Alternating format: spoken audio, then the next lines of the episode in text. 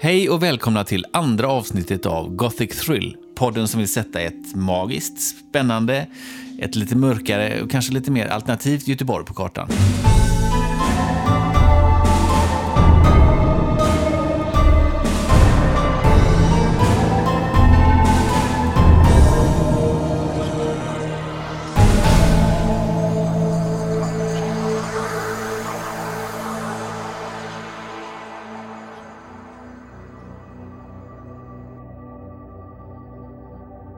Hallå, hallå! Nu är det avsnitt två på Gothic Thrill och det här är Claes Berglind. Och det här är Dennis Jakobsson. Du, eh, nu sitter vi i Floda och spelar in nummer två. Ja, Vad var det som lät? det var jag. jag Det är en grej jag gör ibland. Ja, okej. Jo, ja, förlåt. Eh, Ja, vi spelar ju in i Floda. ja, Ja, där jag bor. Och du bor ju inte här, du bor i jag bor i, Stan. i stan, Eriksberg. Eriksberg.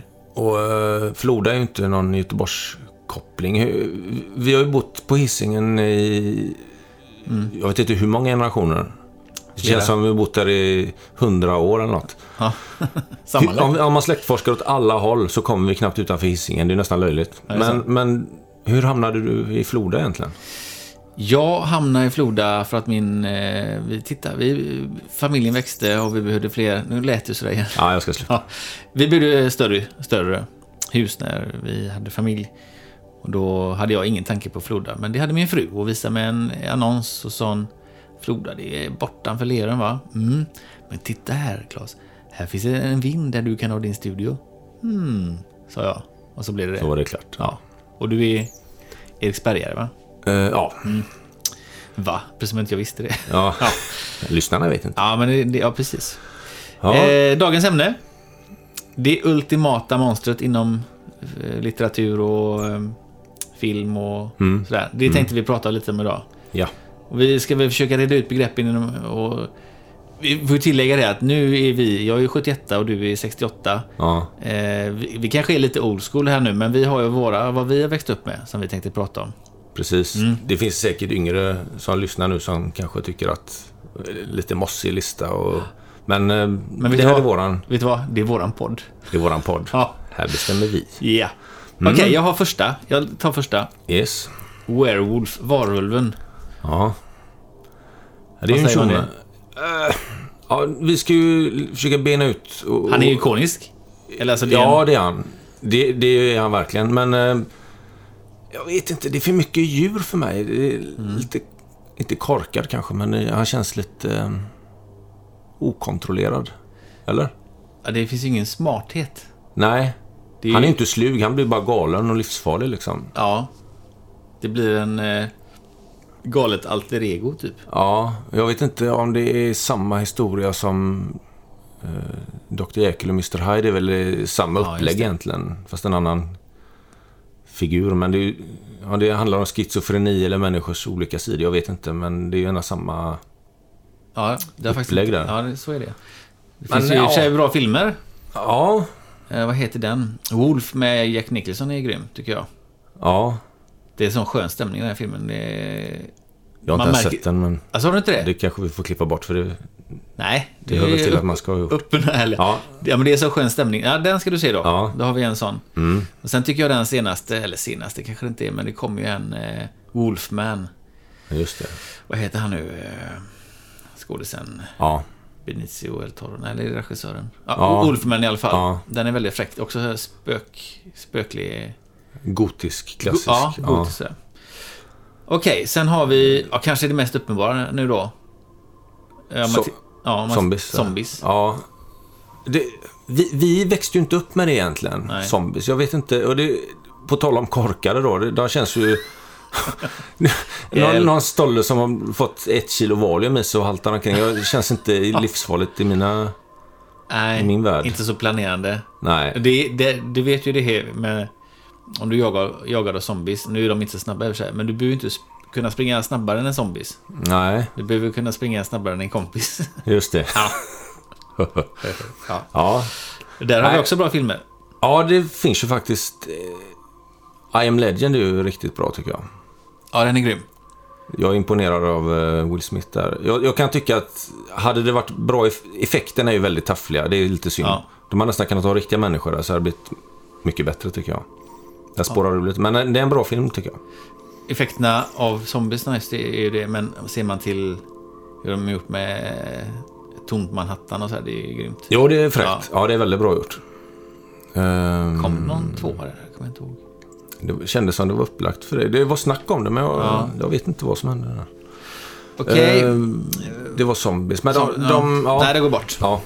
De är inte slugga heller. Varulvar, de är otäcka på alla sätt. Och hungriga, men inte så.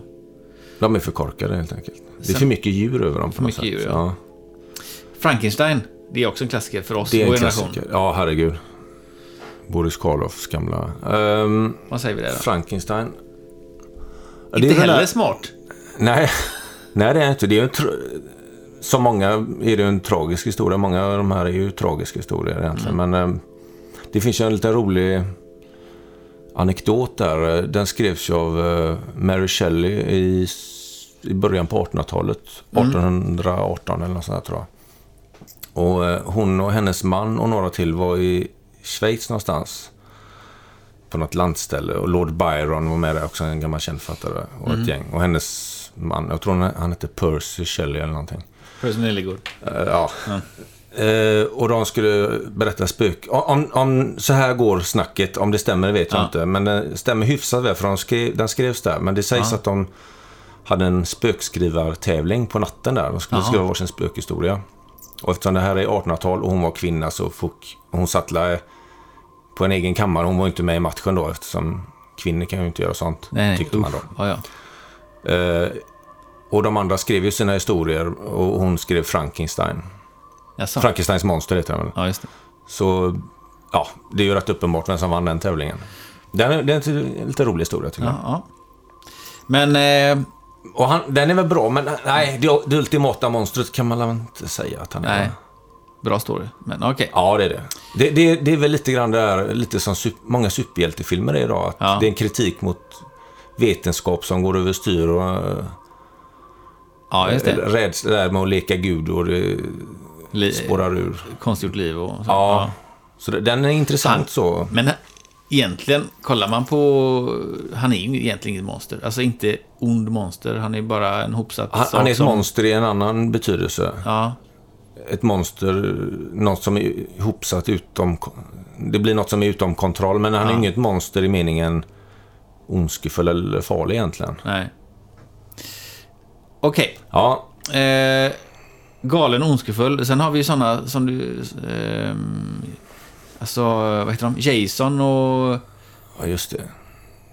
Du menar ett gäng ungdomar som är ute och badar på kvällen och så någon visar tuttan för att det ska vara lite spännande och så kommer någon med en kniv och hugger ner alla och så kanske han överlever i slutet. Och Jag tror inte de visar tuttar för att vara spännande. Det är, det är nog något annat som... Ja, inte för... Ja, Ja. men... Eh, ja, ett tröttsamt upplägg som var, kanske var kul någon gång, men Det kommer fortfarande filmer i det upplägget. Det, det är lite eh, konstigt faktiskt. ja, det känns gjort, va? Nu har alla blivit dödade.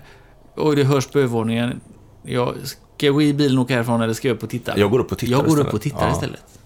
Nej, det går bort tycker jag. Ja, lågbudget. Det, det var kul Ja. när det kom kanske. Elm Street är väl lika så. Det är ena samma. Ja, Han är mest komisk. Ja, vad heter han? eh, Freddy Krueger. Fred, ja. Nej. Ja, Det ja, den vet jag inte ens om den är gjord. Ja, Edward... den är nästan som en komedi. Jag vet inte hur man ska tolka den egentligen. Nej, han är som en Edward Scissorhand fast... Ja, det är något fånigt över den på Ja. något sätt. Ja. Eh, sen har man ju massa såna här, ja, det kanske inte platsar, undervattensmonster, Loch Ness och, vad heter det, Loch Ness och... eh, Nessie. Nessie. Eh, Vad heter, vad- ja, det, är- det är ju det är så inte... här hittepå. Det är ingen filmkaraktär Nej. så riktigt. K- Kraken finns ju också, den här bläckfisken som drar ner skepp. Ja, den återkommer ju i många olika Ja, stories. Pirat, vad heter de? Carib- Pirates of Ja, just det. Ja, just det. Är det därför du har en stor bläckfisk på din arm, Monne? Eh, kanske. Ja. Nej, det räknas inte, tycker jag. Nej, däremot kan jag tipsa om en väldigt bra bok som heter Kraken. Jag tror bara den finns på engelska. Den är skriven som heter China Mayville. Men den är väldigt snårig engelska, så jag, jag fick ge upp efter en ganska tjock bok. Okej. Och jag brukar inte ha så svårt för det, men efter ett par hundra sidor så orkar jag inte. Den, Jag hoppas den kommer på svenska, för den, den var väldigt fascinerande. Alternativt att någon orkar läsa den och berätta det. Ja, Om du tipsar om den nu. ja precis. Ja. Eh, vi går vidare. Vad har vi Vad mer? har vi mer? Mumien, sa vi det? Nej. Nej, det har vi inte sagt. Den är ju... Eh. Ja, Ja. det är väl en story egentligen. Är det inte det från början? Det är väl en sån här gammal 30-talsfilm också eller något. ja det De det. är ju därifrån, väldigt många av de här gamla Men filmerna. de, de vi pratar om är det. Ja, nu är inte vi så gamla så vi Nej. växte upp på 30-talet, men... eh, Det kommer ju en ny film med Tom Cruise. Ja, okej. Det kanske till och med har kommit, kommit ut när vi... As we speak. As we speak. Är det Mumin alltså? Ja, Mhm. den verkar väldigt bra. Jag har sett trailern. Okej. Den får man nog se. Ja, det får vi kolla in. Ja, vad var mer? Ehm, Snömannen, eller vad heter den? I- ja, just det. Ja, Det är mest en sägen, det är ingen story så. eller? Nej. Ja, det är mer en sägen, ja. Lite... Jag vet inte, jag får så lite Tintin-vibbar. Inte sådär som. Blir livrädd riktigt. Jag vet Nej, inte. vi passar. Inget ont i Tintin, men... Uh, nej, men vi, ska vi, Ja. vi, vi... Vi droppar nu vad vi... Vi, vi är ju faktiskt överens i det här fallet Ja, det eh, vilken som är det ultimata monstret. Och det är... Vampyren. Ja. Eh, Varför är det det då? Den är så sammansatt, komplex och skrämmande. Jag tror den mest skrämmande givetvis eftersom den är... Människan är ju näst längst upp i näringskedjan när det finns vampyrer. De är ju högst liksom. Vi är ju boskap för dem. Ja. Och det är ju en skrämmande känsla att, att vi är underlägsen som ras. ja, det är sant. För Och den, det- den är så mångfacetterad. Den, den är, den är, den, de är både smarta och... Ja, det där stiliga kan ju gå till överdrift ibland när småtjejer tittar för att det är snygga. Då tycker jag det har spårat ur lite. Men den, den Ja. är, de är väldigt komplexa och de är... De har ju något djuriskt i sig också Ja, samtidigt. fast där har vi smartheten, beräknande och... Det är en djurisk sida, men eh, Ja, jobbig sida. ja det är det. Ja, det, det är väl det u- ultimata rovdjuret överhuvudtaget, kan jag tycka. Ja. Och så är det så skönt att det är precis som med Alien-filmerna, att, eh, som vi glömde nämna, Ja. att eh, det är en sån eh, mytologi kring... Det är precis som de finns på riktigt nästan, för Ja. alla människor vet att så fungerar en vampyr och så eh, det är döden av och... Det, Ja, det är liksom inpräntat, det vet man bara. Ja. Det känns... Det, Ja, det finns- det är nästan så de finns liksom. Ja, men det finns ju så, Det finns ju ingen annat som har så mycket sägner och myter omkring sig Nej. som en vampyr. Nej. Med att de faktiskt härstammar från någonting. Ja. Alltså, eh, län, både länder och som är synonymt med vampyrer. Ja, det har funnits många kulturer. Jag, Ja. Det nämns ju i, i Bibeln redan någon... Eh, Lilith eller något heter hon. Ja. Som är någon slags, jag vet inte om det är uttalat som vampyr, men hon är något form av monster som de brukar säga är... Jag vet, Vatikanbiblioteket finns det böcker om från den tiden om vampyrer. Okej. Tror jag läste någonstans. Ja. Och sen har det varit mycket österländsk... Såklart. Eller östeuropeisk eh, Ja. folktro och sådana här grejer. Transylvanien. Ja, och det, det, det sjuka är ju att... Det, det är ganska sjukt faktiskt att, att de har använt en... Om vi ska prata om Dracula, Bra, Bram Ja. Stokers Dracula nu då. Ehm, att man tar en riktig människa som har levat Just och mixar ihop med den här mytologin. Han, Det är ju ganska unikt. Dracul, eller vad hette han? Grev, det var en Ja, grev, han kallades eller? för... Hans pappa hette... Dracula betyder den lilla draken, tror jag. Ja, Han hette Vlad Tepes. Eller Tepes betyder ju pålspetsare, men han, han, var, han var ingen mysig gubbe som alla vet. Men, nej. men just att de, han, en riktig historisk person, får rollen som... Att de mixar ihop det, det, det är rätt... eh, Ja, det har ju inte hänt förut. Nej, det har nog aldrig hänt, tror jag. Eller inte med de monstren vi Inte på det, nej. Okej, men om vi ska... Då måste vi ju sålla ner det här till eh, den bästa... För då är det vampyrer och det är Dracula. Men vilken Dracula då? Ja, Okej, vi har ju... Eller, vi har ju bra vampyrfilmer på vägen vi måste prata om. ja. Okej, Ja, det är ju vi uppfödda med vampyrer kan man Ja. säga. Det, det, där de, har- jag tycker ju... ah, Blade, det, det är ju mer en actionfilm. Skulle jag säga. Ja, fast det är det. har Dracula. Ja. Eller eh, vampyrer. Den är bra dock. Ja, det tycker Eller jag. de är bra. Det tycker jag. Är det inte där han gamla countrysångarna med Jo, Chris? Chris? Christopher. Ja, just det. Ja, men de var, jag vet inte hur, hur väl de håller om man ser, ser dem idag, men jag, man tyckte de var bra då i alla fall. Ja. Det finns ju vissa ikoniska scener när de står i första filmen, första scenen, han går in i något diskotek där de har vampyrer. När det kommer blod Just ur. det, sprinkler. Ja, det, är- det är fräckt. Men kanske mer än en actionfilm. Ja. Mm. Sen var det en som du hade sett, som jag inte har sett. Just det, Daybreaker med Ethan Hawke och William... Han heter inte William, han heter Willem Dafoe. Willem Dafoe och Sam Neill. Ja, den är bra tycker jag. Ja. Där vänder de på perspektivet. Där är ju liksom... Eh, civilisationen består av... Ja, tagit över av... Eh, vad heter de? Vampyrer. Vampyrer. Eh, och de börjar snart ut för att människorna är... Det finns inga människor kvar, så knappt. Och då börjar vampyrer dricka vampyrblod och då blir det någon väldigt konstig ny ras. Så de kämpar för att ta fram ett eh, syntetiskt konstgjort blod för att kunna överleva som ras då. Eh, och där handlar det inte om att vara onda och sådär. Utan det är ett skönt perspektiv på det tycker jag. Ja. Också väldigt så här blått filter. Ja, det är väldigt... Ja, snygg gjord. Är är inte det en liten logisk lucka egentligen i vampyrvärlden? Att, är det inte så det hade gått? Människorna Jo. hade väl tagit slut rätt fort, känner jag. Ja, rätt fort ja. Eller hur kan, ja, det känns... Det håller liksom inte. Nej, De skulle ju tagit över världen ganska snabbt, känns det det är som. inte trovärdigt. Nej, det hittar på. Hittepå. Eh, jag får slå ett slag då för Nattens väktare, om ingen har sett den. Den har jag inte sett. En rysk film. Den finns, jag har, det finns minst en, två också. Jag kommer inte ihåg om den heter Ljusets väktare eller vad det var. Men den är på ett sätt en klassisk vampyrhistoria. Men den, har element av... Det är både skitig vardagsrealism och Matrix-element i den. Som gör att den blir riktigt läcker. Den är nog med på min topp 5-lista ever liksom. Va, va, när var den ifrån sa du? Uh, Nattens väktare, när kan det vara? Ja, det är ingen jättegammal film då? Nej, mitten på 90-talet. Tidigt 90-tal Ja, ja, det är så pass ändå. I, Ja. I våran värld nu. Men eh, för kidsen är den urgammal då. Men ja, någorlunda modern. Den, den är väl värd att se tycker jag. Ja, okej. Sen har vi, ja det här. From Dusk till Dawn är en vampyrfilm. Ja, det är det faktiskt. Du? Fast den går goes bananas, Ja. som du sa. Ja, det är ju bara Tarantino som kan... eh, Där går han ju loss fullständigt. Jag vet inte. Ja, det, blir, det börjar som en actionfilm. Vrids Ja, det är till nästan, skruvad- nästan drama i början. Ja, Fast lite otäckt då. sen blir det nästan komedi. Det blir så, Ja, den är är så överdrivet. splatter så är skjortan står rätt. Den är... Men den är, det är en Ja, den är väl lite rolig, ja. Det är men- Ja, okej. Men eh, den, det är inte topp. Nej. 30 Days of Night är en annan skön tycker jag. Ja, okej.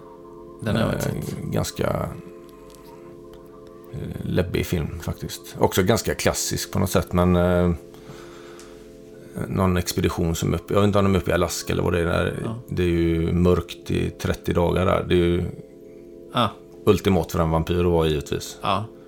Och Norrland. de går ju loss där. Ja. Ja. ja, i Norrland skulle det kunna Mhm. varit. Sen har vi ju en svensk vampyrfilm som är grym. Eh, ja, du tänker på uh, Låt den rätte komma in ja. Ja. Vad heter han?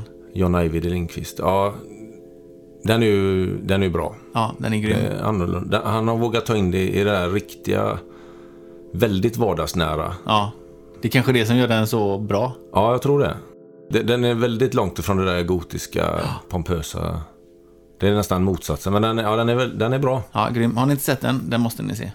Scenen i eh, bassängen där, är ju, den är riktigt bra. Riktigt bra. Ja, det var, den, fick, den var tvungen att nämnas Ja. i sammanhanget. Sen har vi våran klassiker. Som, ja, pratar vi eh, om vampyrer så det finns ju en typ av filmer som det handlar om egentligen då. Det är ju Ja. naturligtvis Dracula-filmerna då. Den som våran, som vi pratade om, vår moster Birgitta. I avsnitt ett så pratade vi om henne. Hur hon Ja, förstörde oss som barn. Mm. Vad gäller skräckfilmer. Var det Jack Palance eller var det Christopher Lee? Den Dracula vi såg då. Det var Jack Palance. Det var Jack Palance.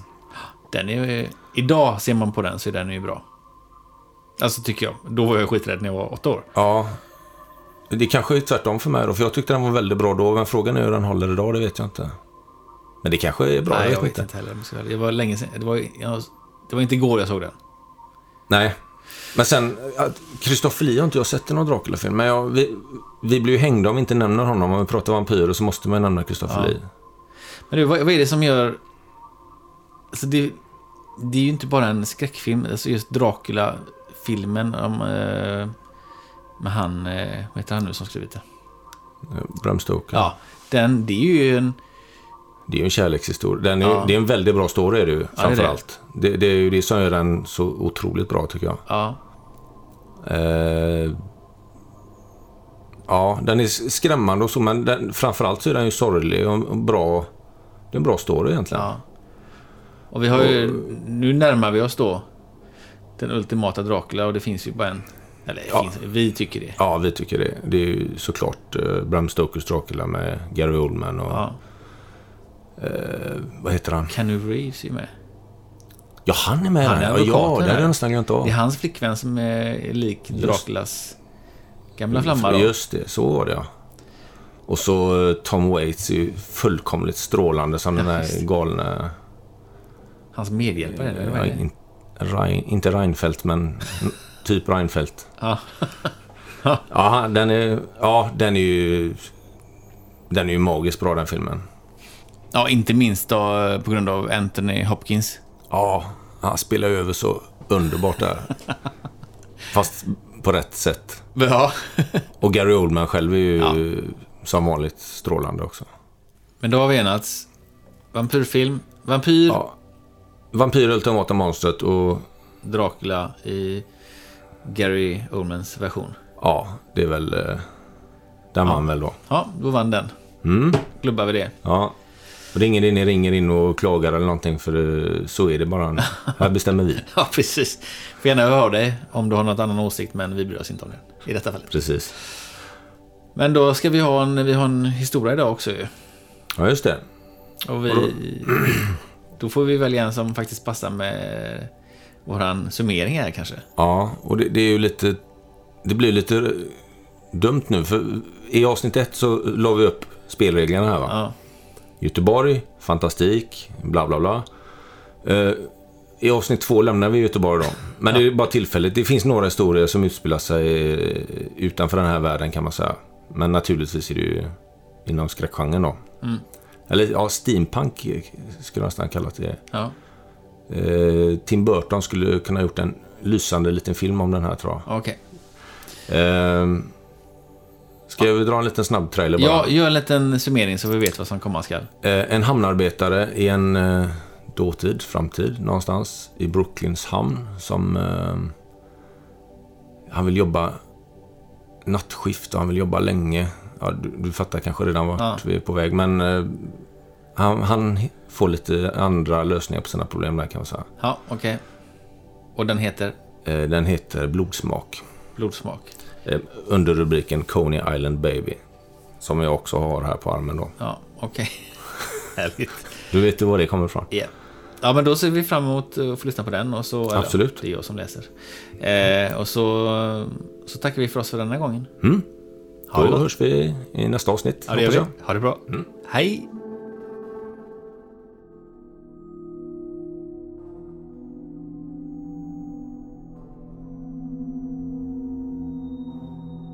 Jag var i desperat behov av både sömn och rakning. Vargskiftet höll på att ta knäcken på mig, den saken var klar. Men du ska veta att nattshowet i Brooklyns hamn inte var ett jobb för veklingar. Ute på piren var det undertecknad som basade för lastningen. Övrigt manskap bestod av daglönare. Löst folk som kom och gick innan man lärt sig deras namn. Fast eh, flertalet var okej gubbar, det ska sägas. Mitt distrikt hette Pir 18 och här lastades de tunga zeppelinarna med destination Asien. I ärlighetens namn var det ja, sisådär med papper och kvitton. Det var en verksamhet som gick lite på lösen. Allt byggde på hederskodex och min rutin som lastbas. En handskakning dög lika väl som en namnteckning. Det var så hamnarbetet fungerade på den tiden och än idag. Gudarna ska veta att vissa nätter var tyngre än andra. För, för snart två år sedan närmade jag mig botten. Utarbetad och alldeles för lite sömn. Ibland kunde jag gå hem utan att minnas ett skit av arbetsdagen. Med blodsmak i munnen. Fritiden var också en sorglig historia. Nästan alla barndomsvänner fanns kvar i mellanvästen. Min fru stack för snart sju år sedan. En tunt vid Wilbur agerade Gyllene Riddare. Revisor av alla jävla jobb. Hon hoppades väl på att få ett bättre liv. Ja, egentligen kan jag inte klandra henne heller. Fick ett vykort från Miami någon månad senare. Jag kom aldrig för mig för att svara och ja, det var det. Mitt hem bestod av andrahandskontrakt neråt Coney Island till. Ett kyffe ovanför krogen Port Archie. Själva baren låg på bottenplan och en knarrig trappa ledde upp till min tvåa. En gång sällskapsrum åt sjömän som ville få sig ett billigt skjut efter en lång resa. Egentligen kände jag bara två personer, exkluderat Vera Bronson bakom bardisken och en hund. Vera var ett rekorderligt fruntimmer som kunde ta vara på sig. Hon hade slängt ut stökiga karlar mer än en gång. Sjömän eller gangsters, det sket hon högaktningsfullt i. Och var dessutom känd för att svänga ihop den godaste blademären på denna sidan floden. Hunden hette Simus och var en okänd blandras av fan vet vad. Blind på ena ögat var han och halt, men mer trofast än någon människa jag någonsin mött. När mina pass var slut bröt ofta det första solljuset genom Brooklyns eviga dimma. Stan vaknade till liv och jag masade mig hemåt. Tyvärr låg trappan upp till lägenheten bakom baren. Allt som oftast blev jag sittande där med en jack eller en absint. Ja, Vera tog det på krita och la på vid nästa hyresbetalning. Men jag gjorde allt rätt för mig, det ska ni veta. Jag har alltid hatat att vara skyldig på folk pengar. På så sätt var vi lika jag och Vera. Ordning och reda med cashen. En dag efter jobbet så satt jag där som vanligt i baren. Gasollyktorna var släckta. Det enda som lyste upp på Port Archie den här natten var ett par fladdrande stearinljus i gamla romflaskor på borden. Veras absint var så förbaskat starkt att man knappt behövde svälja. Den liksom förångades redan i munnen och letade sig rätt upp i skallen.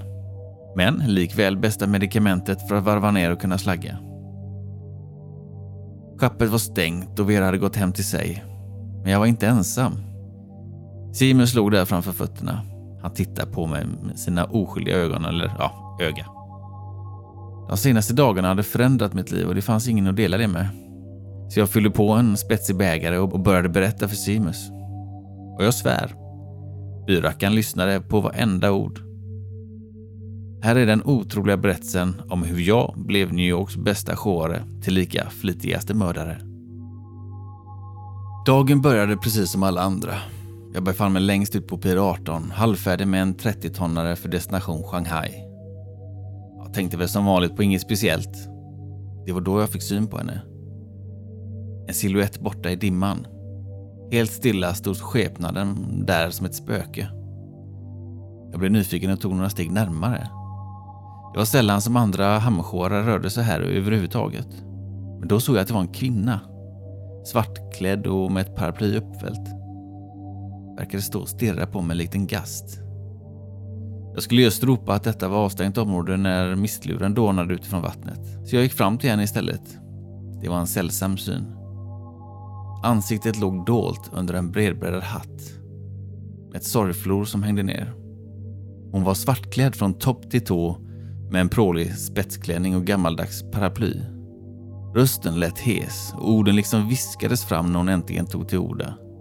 Ursäkta, jag vet att man inte får gå här. Ja, söker du någon? Hon nickade. Ja, jag vill tala med den som lastar zeppelinaren här. Ja, vi är några stycken, men det är jag som håller i verksamheten. Vad, vad gäller det?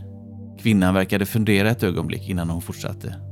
Jag kommer från Brooklyn, Coney Island närmare bestämt. Det är så att min man nyligen avlidit. Kräftan tog han för en vecka sedan. Ja, ja, beklagar. Tack. Hon tog ett darrande andetag. Jo, jag har ett problem. Jag begrep inte vad det angick mig, men ville inte vara oartig. Det var något med hennes uppenbarelse som gjorde mig nyfiken. Jaha, är det något jag kan hjälpa till med? Faktiskt, Li, min man alltså, kommer från Shanghai och hans sista önskan var att få begravas i sin hemstad. Jag började ana vartåt det barkade, men ja, jag lät henne fortsätta. Jag är en ganska fattig änka och ja, det kostar en del att frakta över kvarlever till Kina. Rätt mycket mer än vad jag har råd med faktiskt. Hennes hand svepte bort floret från ansiktet och jag flämtade nästan till högt. Dragen, ögonen, linjerna. Det var den vackraste kvinna jag skådat i hela mitt liv. Sammetsvarta hårslingor inramade i ett blekt näpet ansikte med irisar så blåa att de verkade lysa. Och vaniljdoften som omgav henne fick mig knäsvag. Hon pekade mot zeppelinan bakom kranen. Jag hade ingen aning om hur hon visste det och jag hade ingen aning om hur man kunde säga nej till en sån här kvinna. Efter lite diskuterande hörde jag mig själv gå med på en deal. Den avlidne makens kista skulle anlända på piren kommande natt och lastas på som sista gods i mån av plats. Jag visste inte ens om vi hade avtalat pris, men ett, tu, tre så tog vi i hand. Och jag är som sagt av den gamla skolan. Handskakning gäller, punkt slut. Ögonblicket senare var hon uppslukad av dimman och jag fortsatte med mitt. En stund senare kändes det nästan som en dröm. Hon hade inte ens sagt sitt namn, men jag mindes vart hon kom ifrån. I mitt huvud fick hon namnet Coney Island Baby. Efterföljande nattpass började bli färdigt och då och då hade jag kikat bort över piren, men ingen hade synts till. Vid det här laget var jag säker på att allt bara var inbildning. Ett spöke skapat av min överarbetade hjärna. Jag började till och med le för mig själv när jag tänkte på hur fånigt hela historien lät. Men så, i ögonvrån formades något ur dimman på piren. En stor bil. Sakta och tyst rullade närmare. Och snart såg jag att det var en likbil.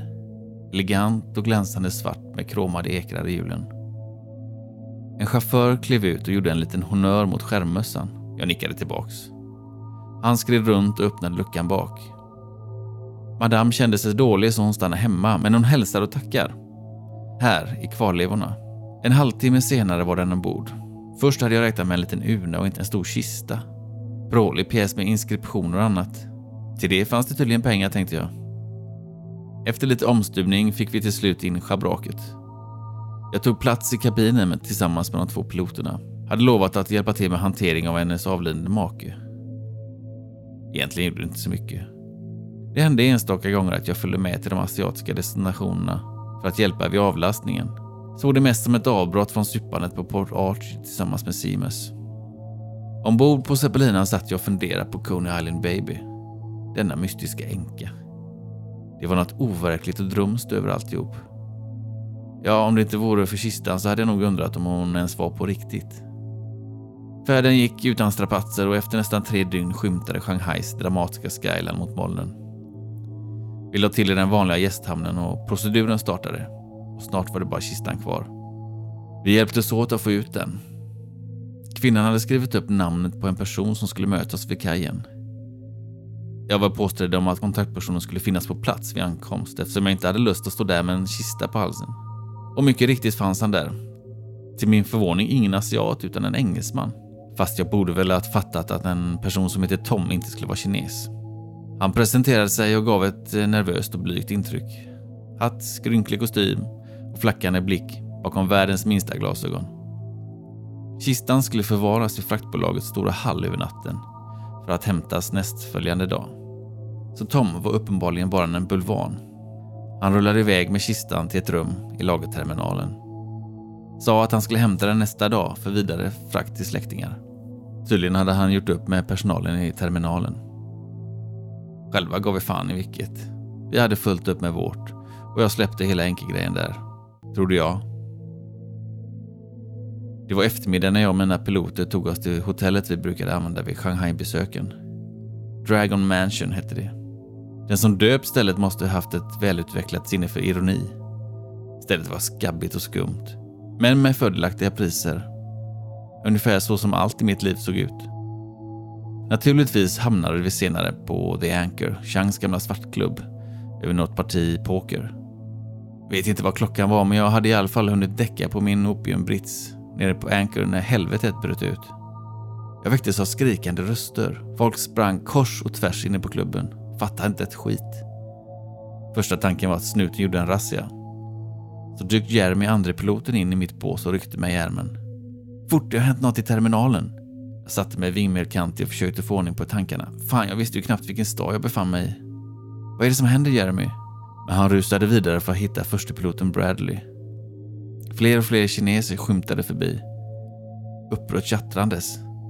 Jag fick på mig jackan och klev ut. Blev nästan nedsprungen i kaoset. Saker föll från hyllor och svordomar haglade.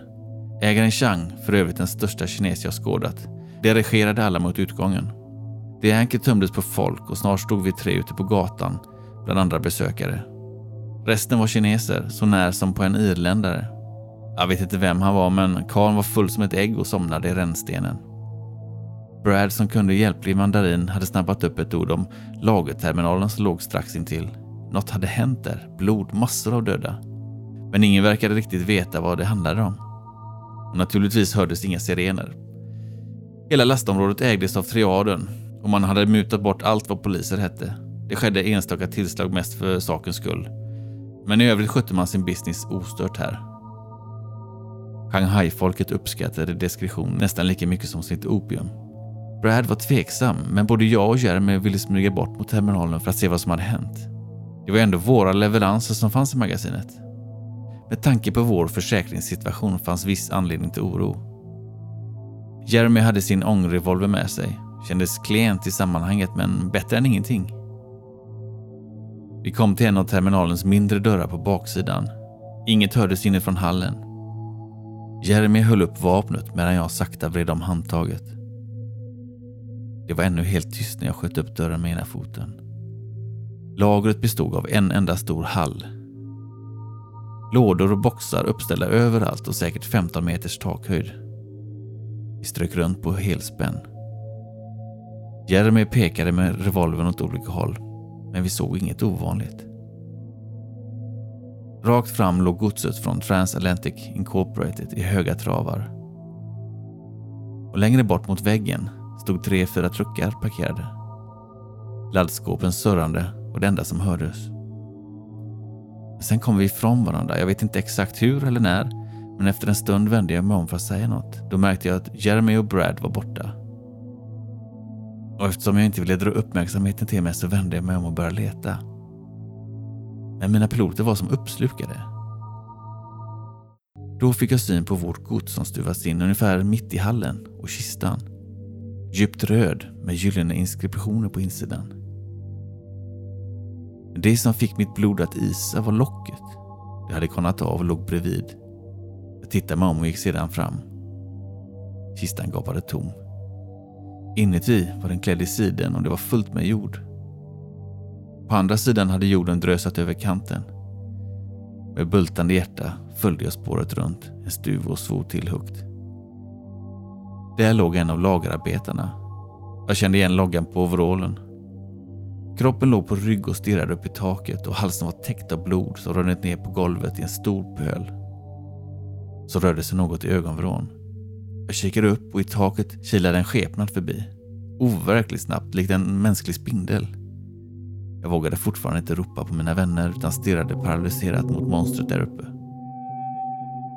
Synen av fladdrande svart spetstyg gjorde att myntet ramlade ner. Jag förstod inte vilket väsen som rörde sig i skuggorna, men det var Coney Island Baby. Den döde maken var bara en bluff. Det var hon själv som hade åkt med i kistan som fripassagerare.